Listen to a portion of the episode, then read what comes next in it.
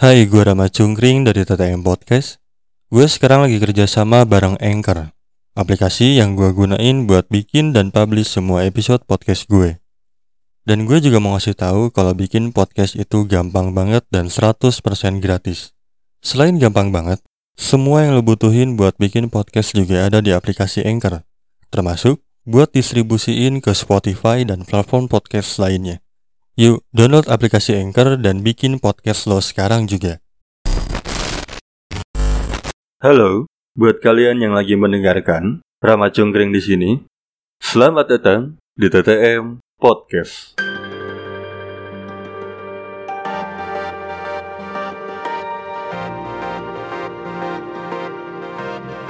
TTM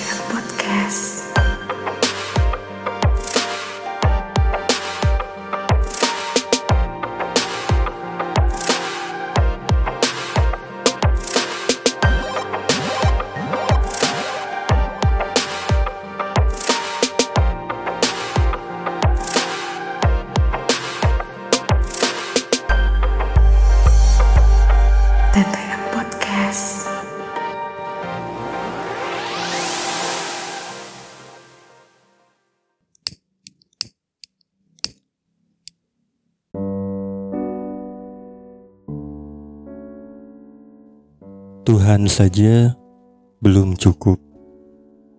Itu adalah sebuah pendapat orang terhadap sebuah statement yang bilang bahwa yang datang ke psikolog itu tandanya tidak dekat dengan Tuhan. Yang orang bicarakan adalah tentang semua agama, bukan satu agama, bukan satu keyakinan. Dan ini bukan tanda bahwa tidak bersyukur, bukan ke sana arahnya. Tapi sebagai manusia, hal sangat manusiawi ketika kita membutuhkan orang lain untuk mendengarkan cerita kita. Kadang-kadang sebuah nasihat itu bisa benar-benar masuk, bisa benar-benar nyampe ketika pertama itu momennya pas, yang kedua siapa yang menyampaikan. Mungkin kalian sering mendapatkan satu nasihat dari orang tua kalian, tapi entah kenapa nasihat yang sama justru lebih masuk ketika disampaikan oleh sahabat kalian. Atau mungkin yang orang bahas di sini adalah eh, teman-teman kita yang konsultasi ke psikolog.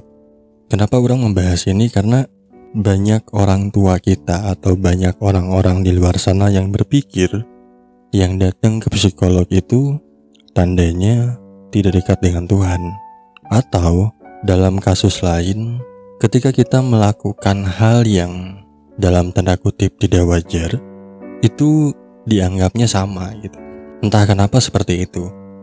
Contoh kasus, beberapa hari lalu orang nonton konten ada dua orang cewek, salah satunya berkerudung. Dia sepanjang malam itu udah berdoa, udah melakukan apa pun yang mendekatkan dirinya dengan Tuhan dia. Tapi kegelisahannya masih belum benar-benar hilang. Akhirnya, dia sama temennya ini datang ke sebuah apa ya? Sebuah klub yang pengen dia lakuin adalah cuman dengerin musiknya, joget-joget, udah gitu doang. Tanpa minum minuman alkohol gitu. Tapi komentar yang datang adalah lu kan berkerudung, lu kan bla bla bla segala macem. Harusnya lu lebih mendekatkan diri kepada Tuhan kalau ada masalah. Menurut gua itu hal yang sangat manusiawi. Karena yang namanya manusia secara psikolog tetap membutuhkan orang lain. Menurut orang, jadi nggak ada yang salah dengan langkah yang seperti itu gitu. Makanya orang tidak setuju dengan statement yang kayak barusan gitu.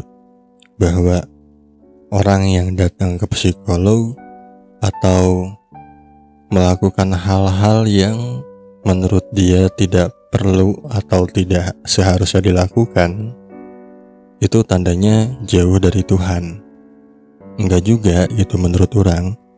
Karena ada hal-hal yang apa ya nggak bisa atau tidak langsung kita dapatkan gitu.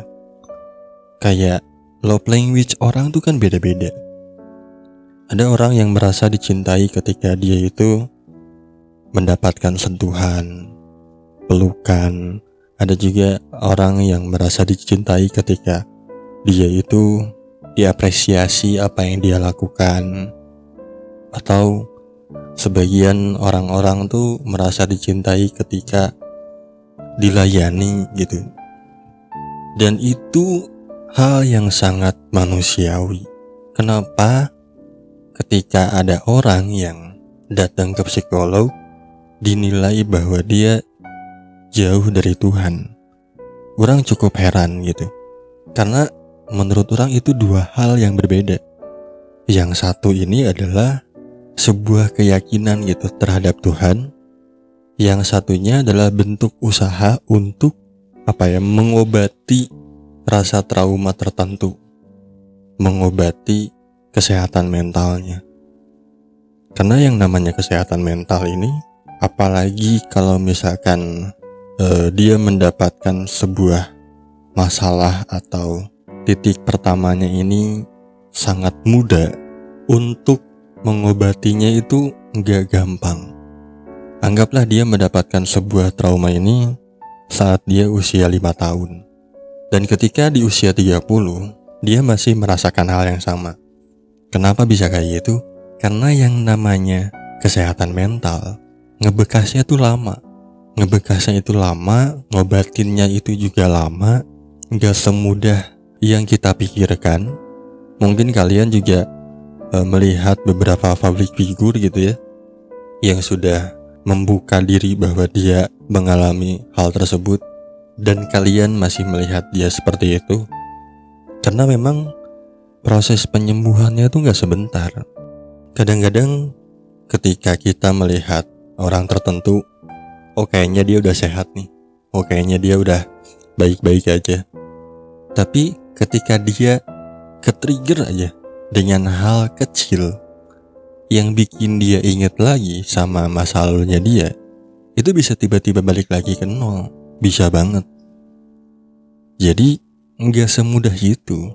Kita nggak bisa menilai apa ya orang-orang yang melakukan itu menganggap bahwa dia jauh dari Tuhan. Karena balik lagi, Tuhan saja belum cukup.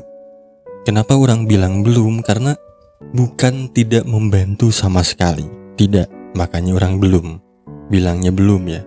Kalau misalkan orang bilang bahwa Tuhan saja tidak cukup, itu berarti orang bilang bahwa nggak ada artinya sama sekali gitu.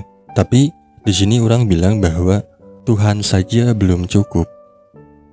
Buat orang-orang yang terlihat sangat dekat dengan Tuhannya, gak usah merasa ketakutan, gak usah merasa takut dijudge yang aneh-aneh ketika kalian pengen melakukan sesuatu yang menurut orang lain itu tidak seharusnya dilakukan. Terutama dua contoh kasus yang barusan orang bilang. Ketika kalian sudah berdoa untuk masalah kalian tapi kalian masih belum merasa tenang, kalau emang kalian pengen keluar buat happy-happy, ya lakuin aja gitu. Kita semua punya prinsip masing-masing. Kita udah cukup dewasa untuk melihat mana yang benar dan yang salah. Apalagi buat orang-orang yang memang pada kenyataannya sangat dekat dengan Tuhannya. Gak usah takut. Kalau memang cuman pengen datang ke klub malam, cuman pengen dengerin musiknya doang, joget-joget biar gelisahnya hilang, ya kenapa enggak gitu. Atau kalau misalkan merasa perlu untuk datang ke psikolog, ya kenapa enggak gitu? Daripada kita cerita sama orang yang tanda kutip salah, itu menurut orang jauh lebih bahaya, jauh lebih apa ya, meresahkan buat orang. Karena apa yang kita ceritakan sama dia, bisa aja dia salah nangkep, yang lebih parahnya menyebar ke orang lain, yang akhirnya ya kitanya juga jelek-jelek lagi gitu karena orang lain salah menangkap gitu informasi yang kita kasih cerita yang kita omongin ke orang itu. Jadi nggak ada salahnya untuk datang ke psikolog ataupun melakukan apa pun yang kalian menganggap bahwa kayaknya ini akan membuat orang jauh lebih tenang gitu. Nggak ada salahnya juga. Nggak usah terjebak dengan kata-kata tidak dekat dengan Tuhannya. Menurut orang itu salah besar ya, tapi balik lagi ke kalian masing-masing mau menanggapinya seperti apa. Kalau kalian merasa bahwa omongan itu benar, ya silahkan usahakan apa yang kalian perlu usahakan. Tapi kalau kalian lebih tahu apa yang harus kalian lakukan, ya udah lakuin aja gitu. Itu hidup kalian, bukan hidup mereka gitu. Gak usah terlalu mendengarkan apa yang orang lain katakan, apalagi orang itu nggak kenal sama kalian.